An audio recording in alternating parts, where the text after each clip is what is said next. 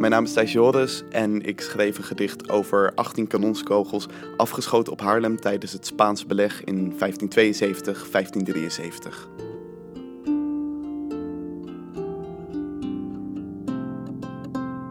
Huil.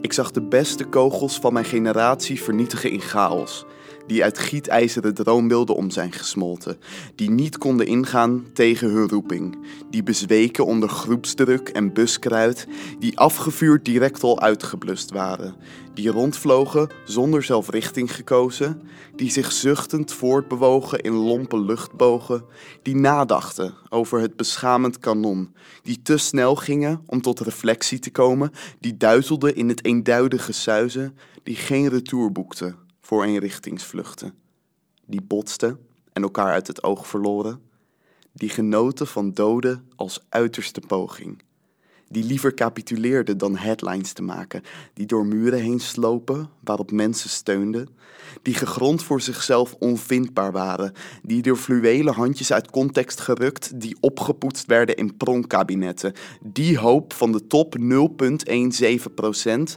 wij staan voor duizenden, ik spreek voor ons. Punt. Gaaf.